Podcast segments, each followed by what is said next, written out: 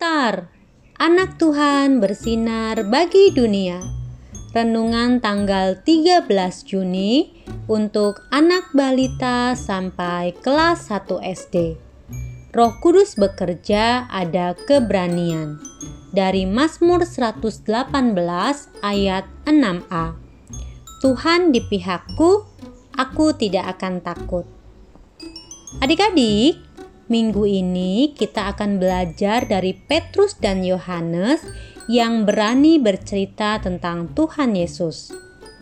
Apakah berarti ada orang yang takut menceritakan tentang Tuhan Yesus? Ya, ada orang-orang yang takut rupanya.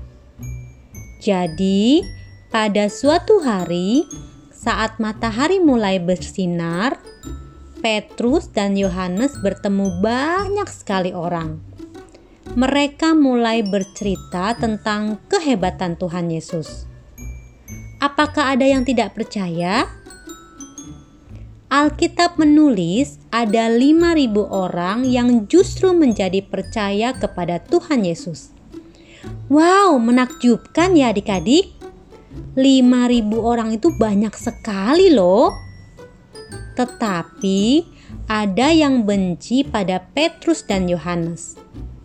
Tiba-tiba ada pengawal yang datang kepada mereka. Hayo, kalian kami tangkap. Apa-apaan ini? Semua orang diajak untuk percaya kepada Yesus. Tapi siapa Yesus itu? Petrus dan Yohanes dibawa menghadap ke imam-imam pemimpin agama dan dimasukkan ke dalam penjara. Adik-adik, apakah Petrus dan Yohanes salah? Oh, bukan. Hanya saja prajurit dan para imam tidak mengenal Tuhan Yesus. Di dalam penjara pun mereka tidak takut.